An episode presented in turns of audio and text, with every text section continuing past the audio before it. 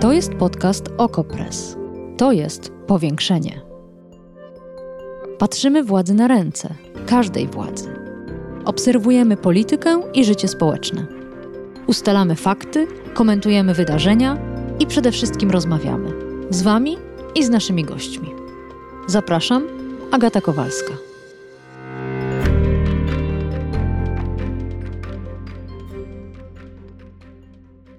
Będziecie spierać się o politykę w święta? Jak myślicie, które tematy pojawią się przy stole? Piszcie!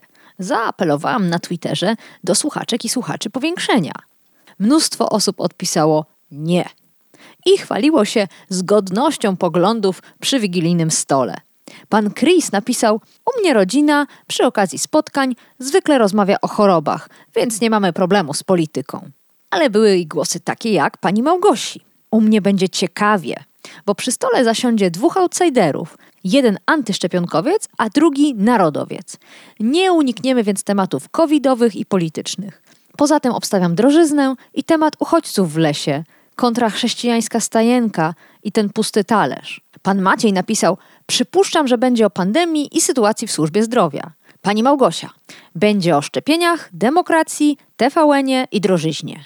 A pan Marek odpisał hashtagami: hashtag inflacja, hashtag COVID, hashtag Mejza, hashtag LexTVN w tej kolejności. Pytanie, jak dyskutować o polityce w święta i jeszcze mieć rację? O wsparcie poprosiłam dziennikarki i dziennikarzy Okopres i zapytałam o te hasztagi pana Marka, tylko w trochę innej kolejności. Zapraszam na powiększenie.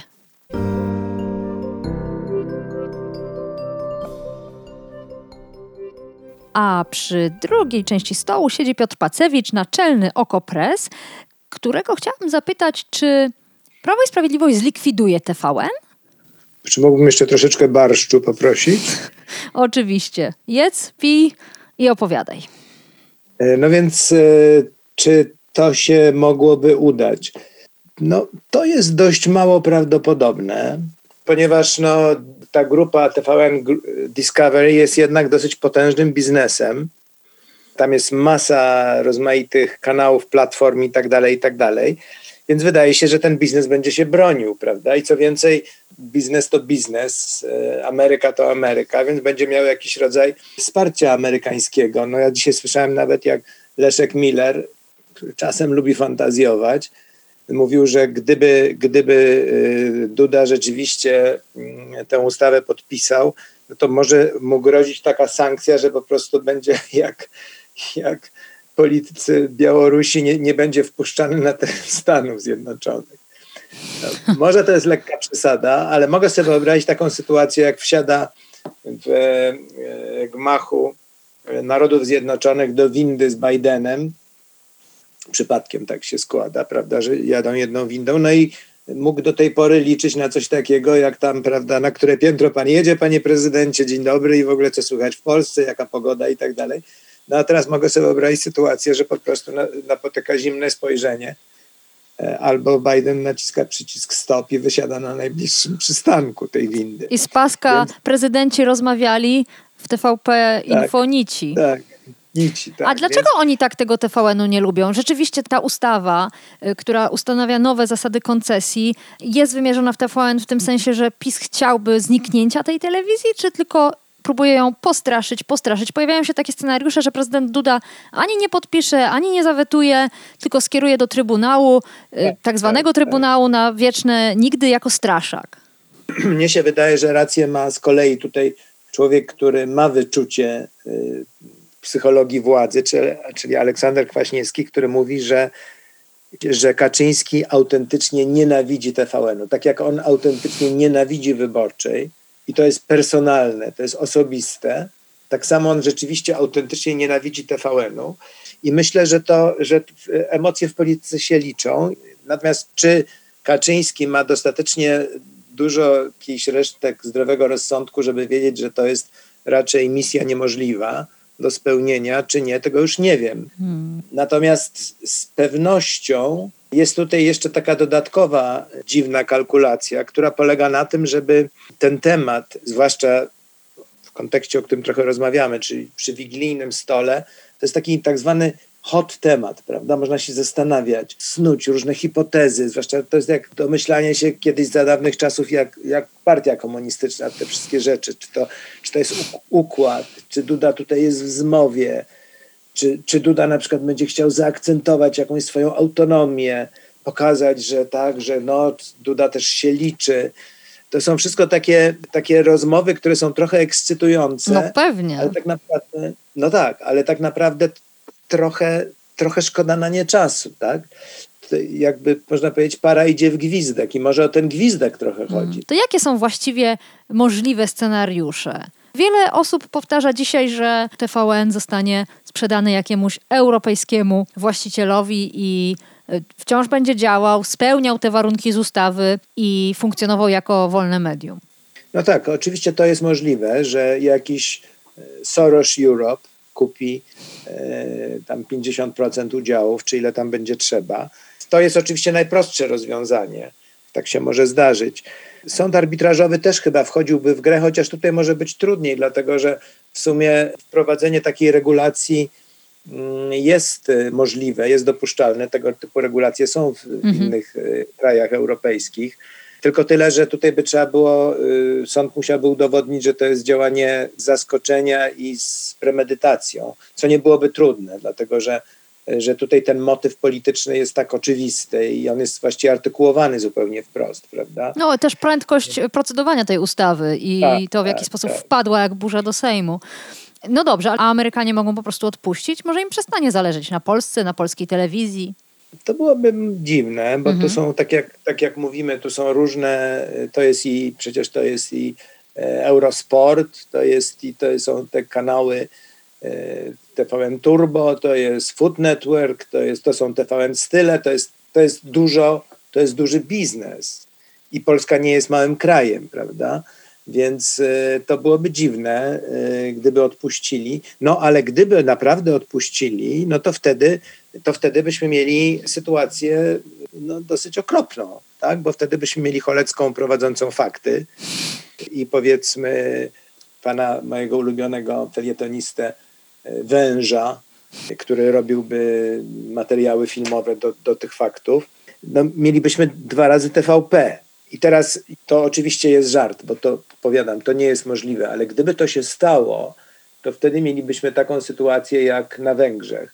Trochę dramatyzujesz. Przecież jest TVN24, który jest nadawany poza tą naziemną koncesją, jest z satelity, więc to nie jest tak, że nagle wszystko by upadło. Czy ja się mylę? Tu trzeba by rozmawiać ze specjalistami, prawda? Dlatego, że e, Oczywiście TVN24 ma przedłużoną koncesję, o co też była odpowiednia awantura.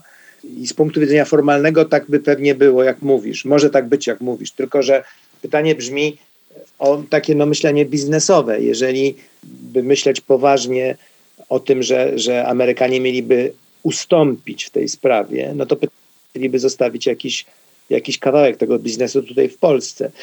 Być może tak, dlatego że pamiętajmy, że z punktu widzenia czysto biznesowego ten ruch Kaczyńskiego jest oczywiście absurdalny, bo on y, niesamowicie nakręca zainteresowanie TVN-em.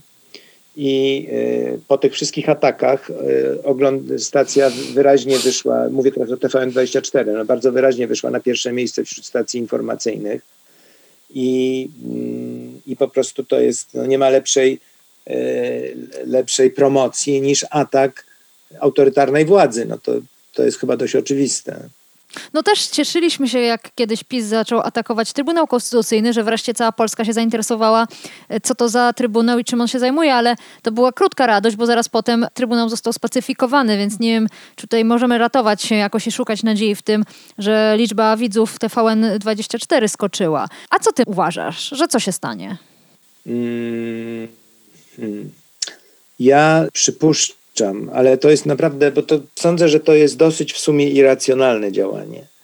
Znaczy w tym sensie, że, że, że chwilowo za nim stoi tylko dosyć krótkotrwała e, kalkulacja albo emocja pomieszana z kalkulacją, która ma na celu odzyskanie inicjatywy hmm. jakoś, no, jakiejś elementarnej kontroli, prawda? No bo to, co Kaczyński zrobił, to on jakkolwiek byśmy tego nie interpretowali, no to my o tym rozmawiamy, wszystkie media o tym rozmawiają, wszyscy się zastanawiają, co zrobi Kaczyński, co zrobi Duda i tak dalej.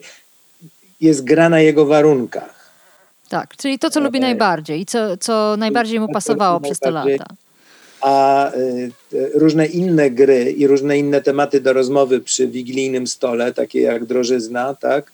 czy takie jak epidemia, y, czy takie jak konflikt z Europą, czy takie jak Lex Czarnek, to są wszystko tematy dla Kaczyńskiego być może dużo bardziej niewygodne. Co jeden, to gorszy. W związku z tym myślę, że to jest taki rodzaj ja to napisałem w jakimś tekście, że, że, że kto mu wyjmie kanister z ręki, ponieważ on jak gdyby polewa benzyną tlące się różne ogniska po to, żeby buchnęły takim ogniem i żeby ten ogień no jakby zwrócił uwagę i żebyśmy skupili uwagę na tym ognisku, a nie myśleli o tych innych rzeczach, które są. O tej ciemności, która nas otacza.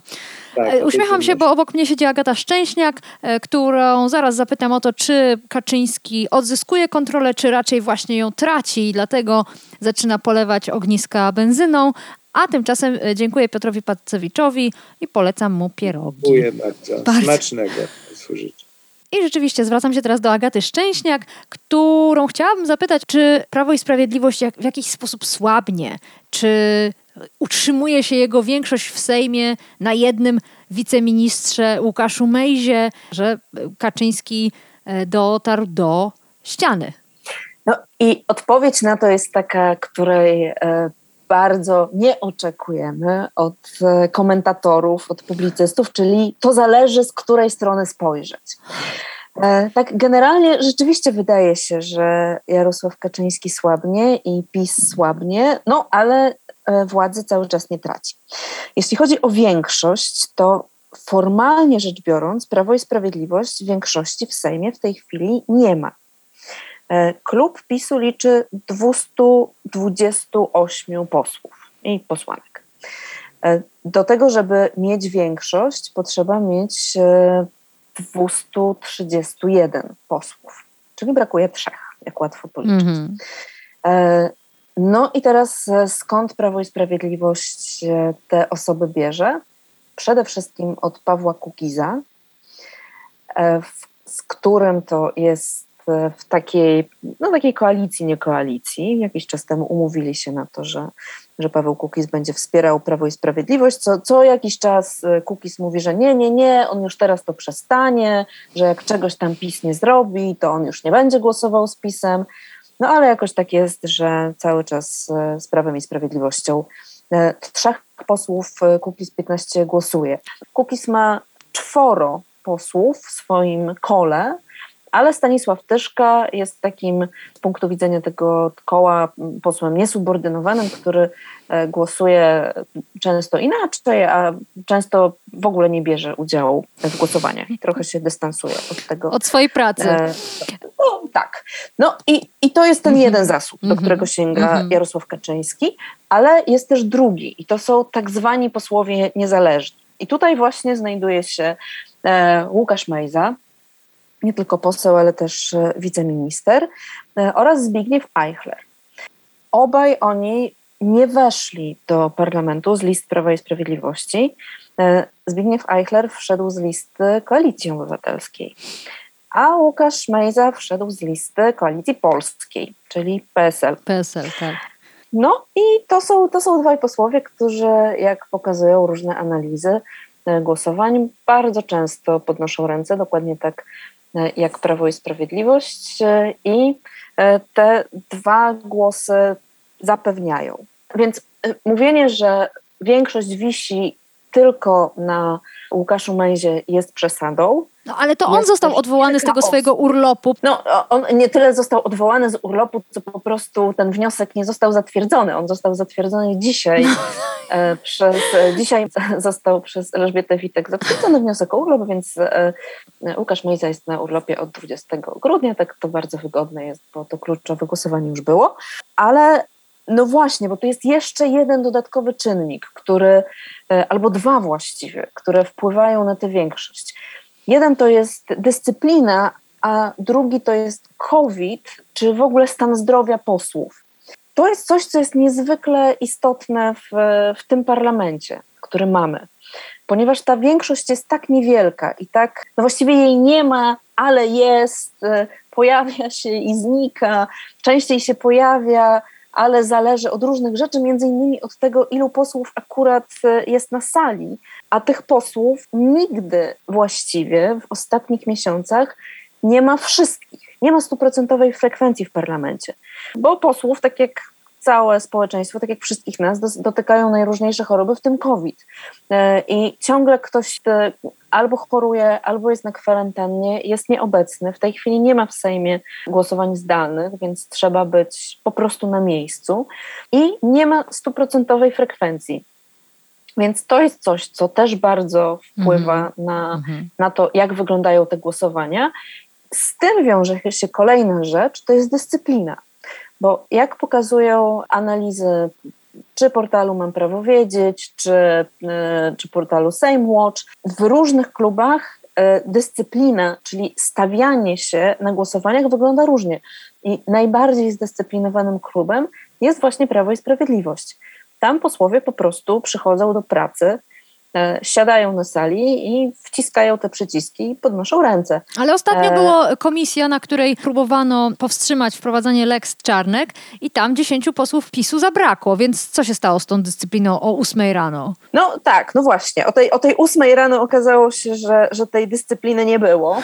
Spała. Że tutaj, e, zas, tak, e, że tutaj być może zaspali ale no, to jest taki zupełnie wyjątkowy przypadek mm -hmm, też, mm -hmm. dlatego o nim mówimy, mm -hmm, o nim mhm, mhm. pamiętamy, bo to się praktycznie nie zdarza. Mhm. E, to, to był taki wyjątek wyjątek. Ale ty powiedziałaś o tej dyscyplinie. To bardzo ważnej sprawie, no ale jednak. Ale ty powiedziałaś o tej dyscyplinie, dlatego, żeby tym bardziej wskazać, że Jarosław Kaczyński wciąż trzyma swoją partię czy swoją większość sejmową twardą ręką i e, wcale tej słabości nie diagnozujesz?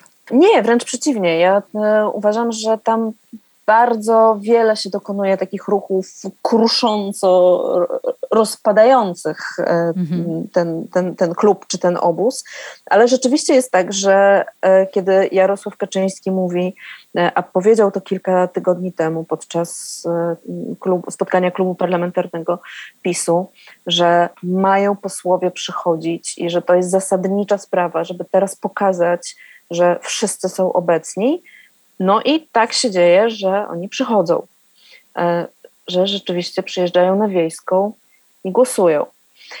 E, no, tylko że pewnie też robią to dlatego, że właśnie widzą to, co my wszyscy widzimy, co widzimy też w sondażach, e, że Prawo i Sprawiedliwość, choć wciąż jest partią, która sondażowo wygrywa, ma największe poparcie, to jednak jest ono niższe niż było w wyborach. I że pojawiła się dość spora konkurencja dla PiSu. E, I wewnątrz tego klubu, bo, bo znowu, ja mówię cały czas klub Prawa i Sprawiedliwości, ale to nie jest jednorodny klub. To nie jest tak, że tam są wyłącznie posłowie PiSu. On się składa, to jest, to jest cała mozaika, cała układanka. E, co prawda z niej mm, wyleciał w sierpniu Jarosław Gowin z kilkoma osobami, ale część porozumienia Jarosława Gowina tam zostało. Są tam bielaniści, czy z Bielanina, jak to czasem się mawia, są ziobryści bardzo istotni. E, są też różne inne osoby, które próbują e, przynależąc do PiSu, rozgrywać różne swoje interesy, budować różne frakcje. O tym pisał u nas e, Witold Głowacki, e, między innymi poseł Bartłomiej Wróblewski. Więc to jest taka bardzo skomplikowana układanka, która tak nie wyglądała jeszcze w poprzedniej kadencji. A powiedziałaś, że PiS w sondażach słabnie, ale to jest tak, że on traci popleczników, traci zaufanie wyborców, choćby z powodu drożyzny, czy też jest tak, że jakiś podmiot na scenie politycznej zyskuje, czyli pojawił się ktoś, kto temu Kaczyńskiemu wprost odbiera wyborców. Prawo i Sprawiedliwość traci, ale ci wyborcy się wycofują i przyczajają. Mm. I to pokazują e, kolejne sondaże, kolejne badania opinii publicznej. I o tym mówią też ci, którzy e, te sondaże przeprowadzają. Niedawno Czyli zyskuje partia nie opowiadał o tym. Tak, dokładnie. Mhm. Zyskuje partia nie wiem. Wiele osób e, jest teraz w takiej, mm, w takim dużym wahaniu. Głosowali na Prawo i Sprawiedliwość, dużo tej partii zawdzięczają, bo odczuli na, na własnym życiu, codziennym życiu, że ono się poprawiło i że to jest partia, która realnie podniosła im standard życia, ale są różne rzeczy i z czasem tych rzeczy jest coraz więcej, które im się nie podobają.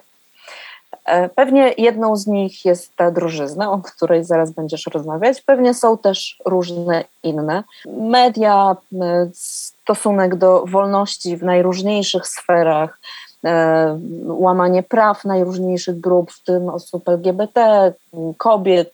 No, tego uzbierało się mnóstwo, więc tych powodów, dla których można wycofać swoje poparcie dla Prawa i Sprawiedliwości jest wiele, ale te osoby czekają. To nie jest tak, że one mówią, nie, nie, nie, Prawo i Sprawiedliwość nam się nie podoba, to fru i głosujemy teraz na Platformę Obywatelską, albo na Szymona Hołownię, albo na Lewicę. No, coś takiego się nie dzieje. E, wyborcy Prawa i Sprawiedliwości mówią, no okej, okay, to, to już nam się tak bardzo nie podoba, jak nam się podobało, ale zobaczymy, co będzie. A to, Może to, coś. To zostawmy na chwilę Jarosława Kaczyńskiego, zajmiemy się Donaldem Tuskiem i innymi liderami ugrupowań opozycyjnych. O czym to świadczy, jeśli chodzi o ich starania, o ich próby uzyskania zaufania wyborców? Są nieudolne? Jedną ważną rzecz musimy sobie powiedzieć, o jednej ważnej rzeczy musimy pamiętać, że te dwa duże bloki, opozycyjny i e, zjednoczona prawica, nawet jeśli ona już jest tak coraz mniej zjednoczona, e, one są bardzo blisko siebie. E, te różnice sondażowe są tak naprawdę, jeśli pododajemy te opozycyjne słupki do siebie i wyniki, to te dwa bloki są bardzo, bardzo blisko, więc e, nie można też powiedzieć tak ostro, myślę, że o, opozycja jest nieudolna, nic jej mm -hmm, się tutaj mm -hmm. nie udaje, nic nie zdziałała przez ten czas. Gdyby tak było, to cała opozycja miałaby 15%. Jest jeden taki ważny czynnik, e, o którym my piszemy od bardzo dawna i o którym, który badaliśmy też jakiś czas temu, badał dla nas Ipsos. To jest e, niewiara wyborców w to, że opozycja mogłaby sprawnie, skutecznie rządzić. Mnie się wydaje, że ten czynnik jest absolutnie kluczowy w sytuacji, kiedy mamy taki chaos w państwie i tyle kryzysów, które no trwają. Właśnie. Od kryzysu zdrowotnego począwszy, całego kryzysu związanego z opieką zdrowotną. I myślę, że tutaj takie przekonanie, że ktoś przyjdzie i zrobi porządek i zapanuje nad tym wszystkim, co się dzieje, jest bardzo ważne. Tak intuicyjnie bym powiedziała, że cały czas nie ma w wielu osobach przekonania, że to partie opozycyjne przyjdą i zapanują nad tym całym bałaganem, który jest w, naszej, w naszym państwie, który, który się teraz dzieje. No plus dochodzą różne takiej politycznej kuchni czynniki. No, wrócił Donald Tusk. Donald Tusk zajął się przede wszystkim Platformą Obywatelską, e, jest takim patriotą swojej partii, walczył o to, żeby to ona odzyskała prowadzenie w sondażach, bo jak pamiętamy, jeszcze późną wiosną e, zdarzały się sondaże, gdzie to Polska 2050 Szymona Hołowni przebijała Platformę Obywatelską albo była bardzo, bardzo blisko.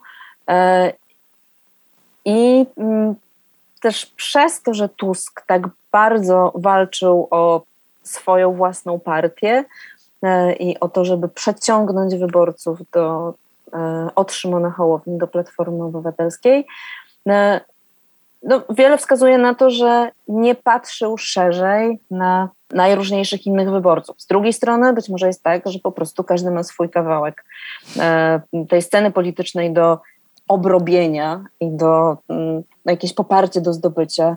Lewica ma robić swoje, Hołownia ma robić swoje, Platforma Obywatelska ma robić swoje, PSL swoje i tak dalej. E, no i tutaj pewnie gdybyśmy miały więcej czasu, to mogłybyśmy się pozastanawiać nad tym, kto na ile e, w tych różnych grupach, które popierają różne partie czy te różne koalicje, wykonuje dobrze swoją robotę. No to już następnym razem, po świętach, po nowym roku, kiedy będziemy z nową energią, mam nadzieję, przyglądać się scenie politycznej. Pytanie, czy z równą energią będziemy patrzeć na przyszłoroczne rachunki i ile będą kosztowały następne święta. O uspokojenie nas wszystkich zebranych przy stole proszę Jakuba Szymczaka, piszącego w Okopres o prezesie Glapińskim, a czasem o gospodarce. To czyja to wina, ta drożyzna? Ojej, to jest takie pytanie, że bardzo trudno odpowiedzieć jednym słowem, bo oczywiście e, rozmawiamy o potencjalnych rozmowach przy stołach świątecznych, więc e, wiadomo, że takie rozmowy bardzo lubią proste rozmowy, to znaczy winny jest PiS, winna jest Rosja, winne, winne jest to czy tamto. Oczywiście takim największym, takim dużym obrazku odpowiedź z transparentów Platformy Obywatelskiej, że PiS równa się drożyzna, jest bardzo dużym uproszczeniem, żeby nie powiedzieć nieprawdą. No bo powiedzieć, że PiS jest odpowiedzialny za całą obecną e, wysoką inflację w listopadzie 7,8%, a będzie wyżej, bo wszyscy wiemy, że będzie wyżej, to nie jest dobra odpowiedź. Samo spojrzenie na składniki tej inflacji, mniej więcej połowę tej obecnej inflacji odpowiadają ceny energii e, i gazu. No nie jest tak, że w 100% za to odpowiada e, PiS. Oczywiście można dochodzić do tego, e, że być może gdybyśmy tak nie opóźniali transformacji energetycznej, że byłoby to teraz trochę lepsze. Może byłoby trochę mniej, no bo gdybyśmy mniej polegali na przykład na węglu, więcej na mm, swoich źródłach energii i na OZE na przykład, to być może byłoby trochę niżej.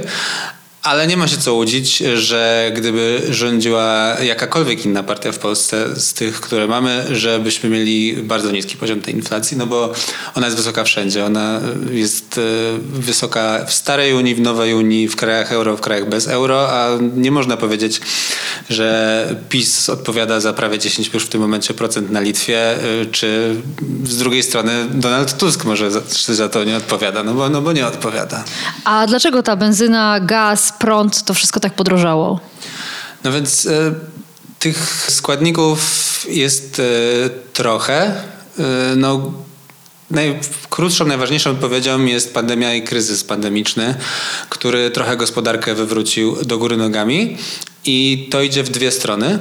To znaczy, najpierw mamy e, te miliardy złotych, euro i różnych innych walut wpompowanych w gospodarki co jest e, oczywistym, więcej pieniądza w gospodarce powoduje inflację.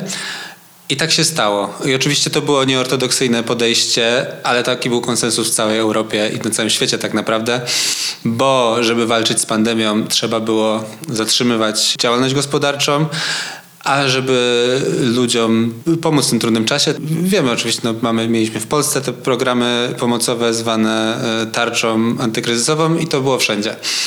Dokładają się do tego teraz właśnie różne e, szoki e, podażowe, to się tak mądrze nazywa.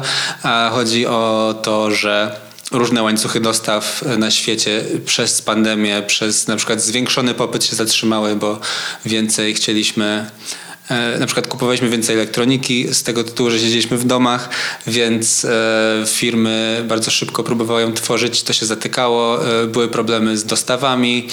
Jak coś idzie dłużej, no to wiadomo, że cena jest większa, były większe ceny przewozu tego, tych towarów przez morze.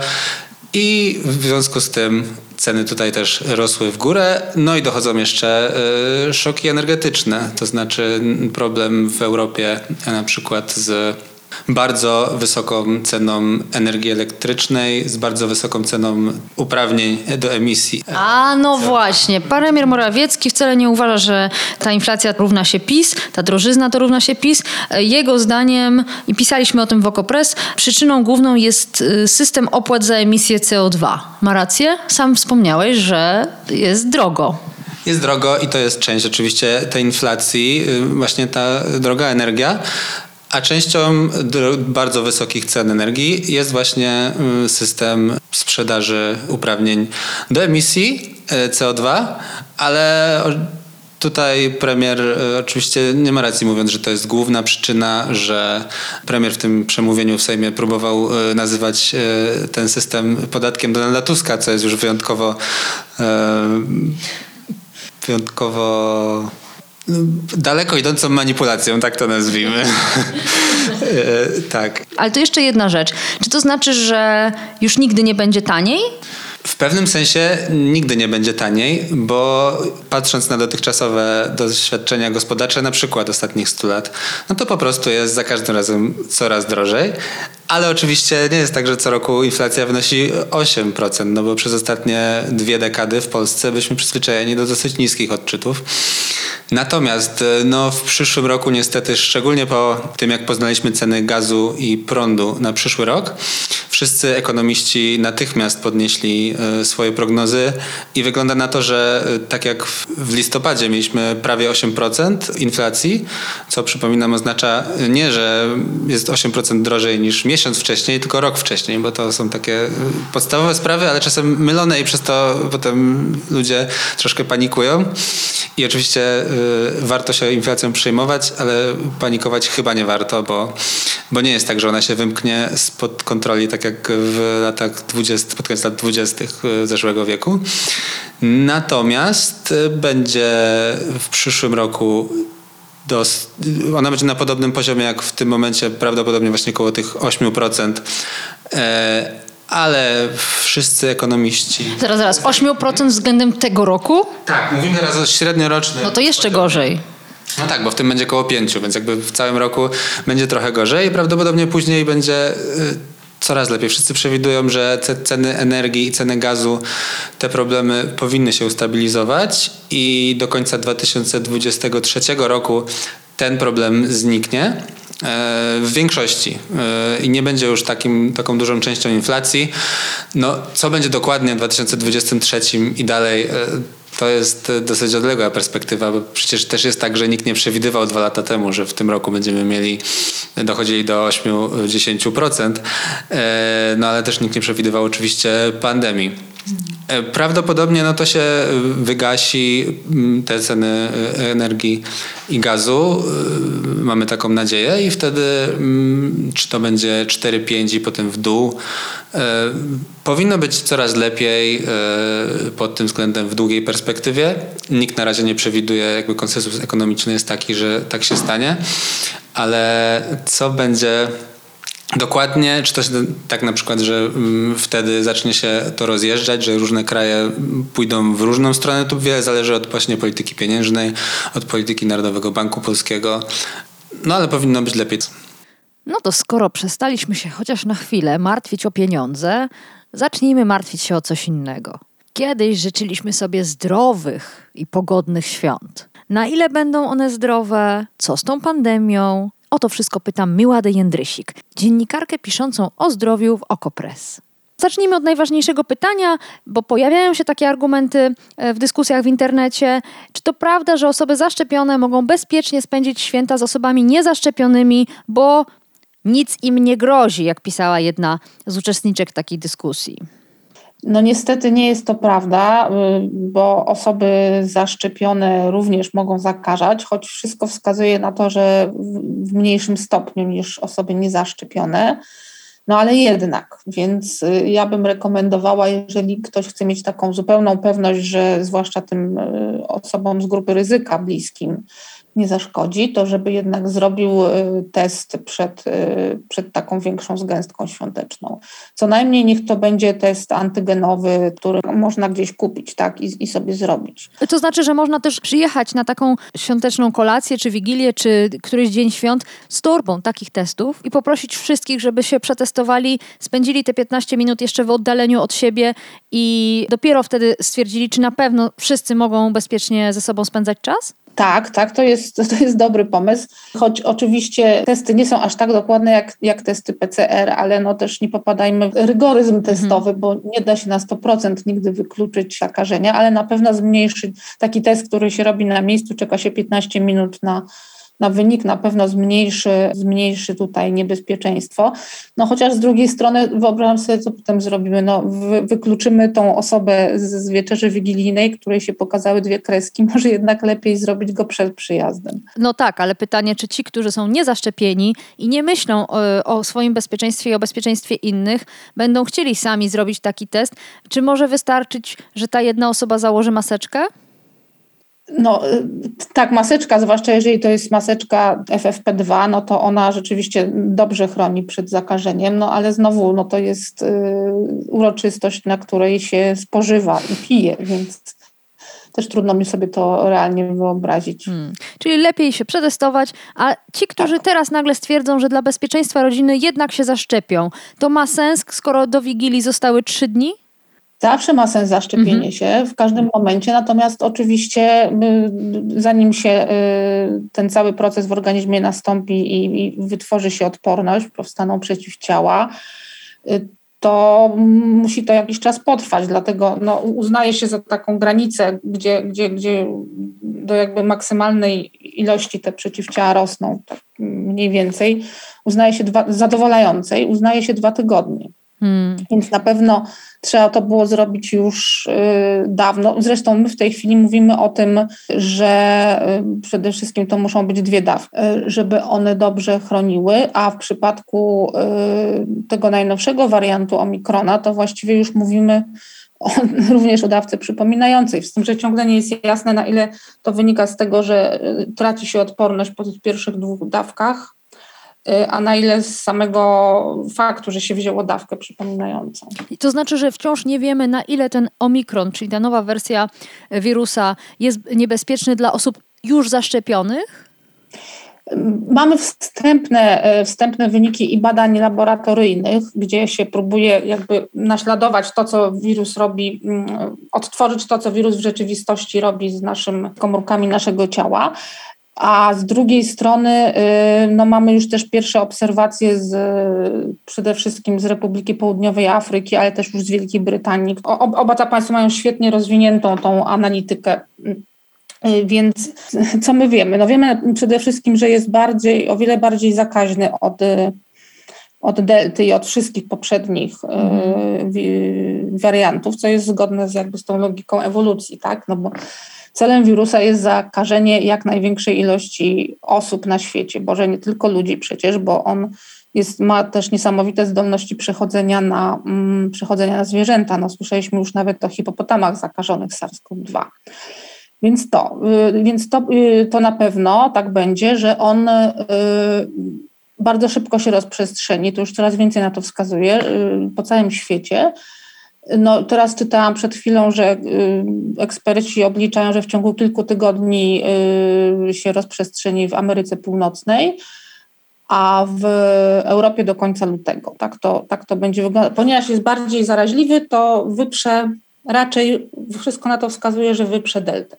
Natomiast my nie wiemy jeszcze, co z jego zjadliwością, czyli jakby no, no tym niebezpieczeństwem, mm -hmm. jaki mm -hmm. zachorowania, mm -hmm. ciężkiej choroby, jaki z sobą niesie bo tutaj mamy, no to, to jest jeszcze za wcześnie po prostu. Są pewne jakby takie jaskółki nadziei, bo są badania, z których wynika, że on gorzej sobie radzi z naszymi płucami.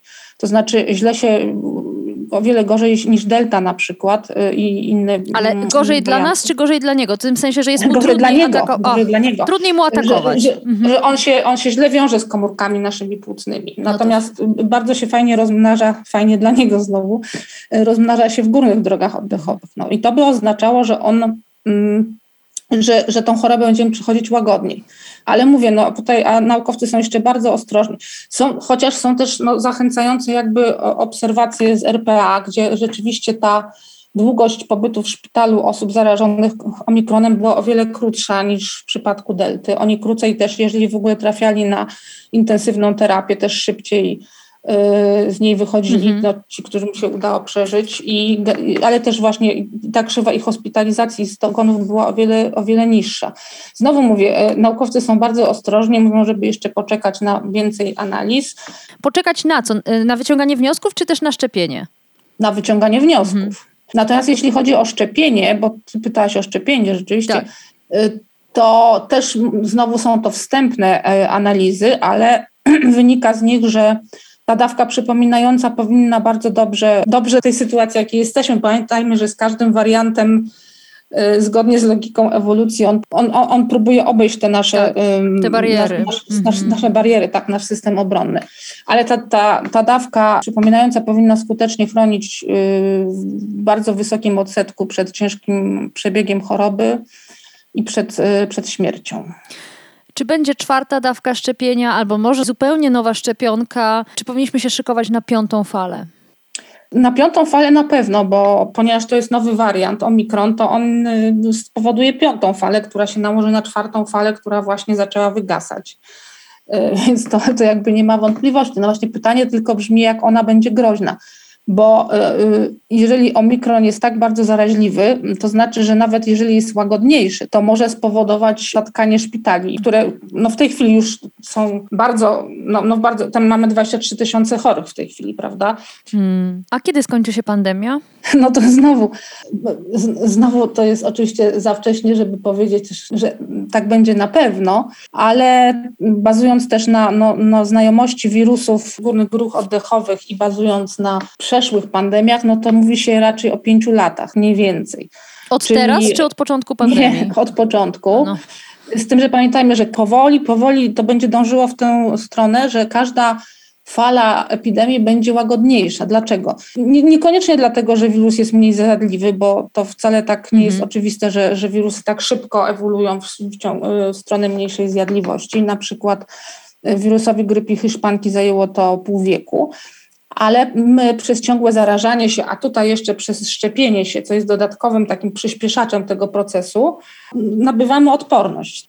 No ja myślę, że my się po prostu też przyzwyczajimy do życia z, z, tym wirusem, tak? I będziemy uważać oczywiście, ale będziemy prowadzić już w miarę, w miarę normalne życie, natomiast ważne jest, żeby się musieli, żeby szczepili się ci, którzy są naprawdę w grupach ryzyka. Bo ty pytałaś jeszcze, ile będzie tych y, dawek. No to też jeszcze tak do końca nie wiadomo ale przypominam, że jeśli chodzi o grypę sezonową, ona między innymi dlatego się nazywa sezonowa, że co sezon jest nowy wariant i trzeba tą szczepionkę powtarzać, ale jakoś ludzie się szczepią, nie narzekają ci, którzy się szczepią i, i tak sobie żyją z tym jednym szczepieniem na y, jesienią, prawda? No. Więc to chyba nie jest jakiś taki najstraszniejszy koszt, jaki możemy ponieść, żeby no. żyć. To na pewno nie. Bardzo mhm. dziękuję. A do naszego stołu dosiada się już kolejna osoba, Magdalena Chrzczonowicz, Okopres. Dzień dobry. Dzień dobry. Na granicy w lesie już nic się nie dzieje. Znalazłam takie komentarze w internecie. Podejrzewam, że część z nas myśli, że e, cały kryzys na granicy został rozwiązany, że Straż Graniczna zaopiekowała się uchodźcami, a e, jeśli nie Polska Straż Graniczna, to zajął się nimi Łukaszenka i po prostu z tej granicy ich zabrał. Jaka jest prawda? Prawda jest niestety taka, że, że te osoby cały czas są na granicy. Zgodzę się, że jest ich mniej niż było w szczytowym momencie, y, to znaczy tam około listopada, październiku w listopadzie. Rzeczywiście ta, właśnie nie chcę używać słowa fala, żeby nie pogłębiać tego stereotypu. Ta ilość, e, ilość osób jest na granicy mniejsza, natomiast ci ludzie tam cały czas są. Więcej, e, sytuacja jest może nawet w pewnym sensie bardziej tragiczna w tej chwili, dlatego że całe zainteresowanie e, mediów, mhm świata y, trochę opadło mm -hmm, y, i w związku z tym y, osoby, które na granicy udzielają pomocy migrantom i uchodźcom, czyli aktywiści, aktywistki e, i mieszkańcy i mieszkanki, e, no, o, o tyle są w gorszej sytuacji, że mają, no, że działają trochę po, tak powiedziałabym, bez, bez, bez blasku fleszy. I ta ich robota może być, może przejść też niezauważona. Ludzie mają takie jakieś przekonanie, prawdopodobnie tutaj się zgodzę z Tobą, że skoro nic o tym media nie mówią, czy mniej o tym mówią, to znaczy, że tam się sytuacja uspokoiła. Tak nie jest. W rozmowach z aktywistami, które ja prowadzę oraz z mieszkańcami, wiemy, że z tych rozmów wiemy, że ciągle znajdywane są osoby na granicy, ciągle udzielana jest im pomoc, ciągle gdzieś utykają w tym pasie między Polską a Białorusią, chociaż rzeczywiście jest ich trochę mniej. A co z działaniami Straży Granicznej? Czy one się zmieniły? Czy Straż Graniczna teraz stosuje jakiegoś innego rodzaju procedury, inne podejście, może bardziej ludzkie do tej grupy, która w przygranicznym lesie się znajduje? Nie, nie, mamy, nie mamy niestety takich informacji, żeby żeby Straż Graniczna jakoś drastycznie zmieniła swoje, swoje podejście. Na pewno nadal, nadal stosowane są pushbacki. Legalne dzisiaj e, z punktu widzenia polskiego prawa, e, polskie prawo je zalegalizowało, ale nadal są nielegalne z punktu widzenia prawa europejskiego oraz konwencji genewskiej, karty, nie, są, nie są zgodne z kartą praw podstawowych e, czy Europejską konwencją praw człowieka. Nie wiemy nic o tym, żeby Straż Graniczna szczególnie zmieniła swoje postępowanie w ostatnich dniach, tygodniach. Rzeczywiście odbyło się kilka y, takich spektakularnych akcji, y, spektakularnych mówię trochę w cudzysłowie, to znaczy, że one się pojawiły w mediach. Mhm.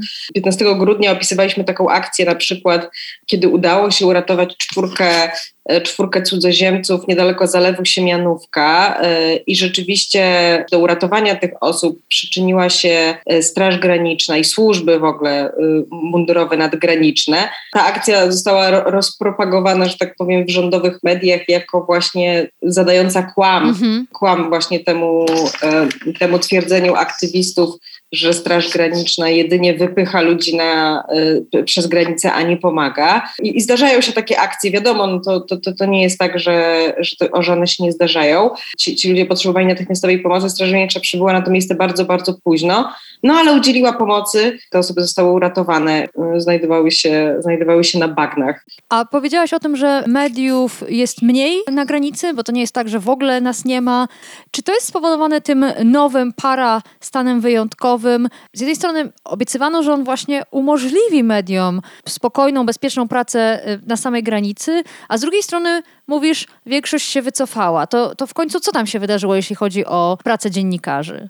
Jeżeli chodzi o pracę dziennikarzy, to tam niewiele się zmieniło. Mhm. To znaczy y, y, wprowadzone no, no, nowe prawo, które na początku grudnia wyszło w życie w pierwszych dniach grudnia. No, nowe prawo oznacza, że nadal dokładnie w tym samym pasie media nie mogą przebywać. To nowe prawo różni się od, od prawa dotyczącego stanu wyjątkowego, że, że jest bezterminowe, to znaczy nie wiemy na ile ono jest. Stan wyjątkowy mhm. może trwać góra trzy miesiące. Ale to odstraszyło media z granicy? Czy e, I tak, już, już do tego. Mhm. W ramach tego nowego prawa można zezwolić w wyjątkowych przypadkach mediom na y, wjechanie na granicę, ale tylko i wyłącznie pod specjalnym nadzorem Straży Granicznej i takie wycieczki, my to nazywamy safari dla dziennikarzy, się odbywają w określonym dniu można się tam stawić, y, y, jest się zabieranym przez Straż Graniczną do jakiegoś pojazdu i, i obwożonym po miejscach, które wybiera Straż Graniczna.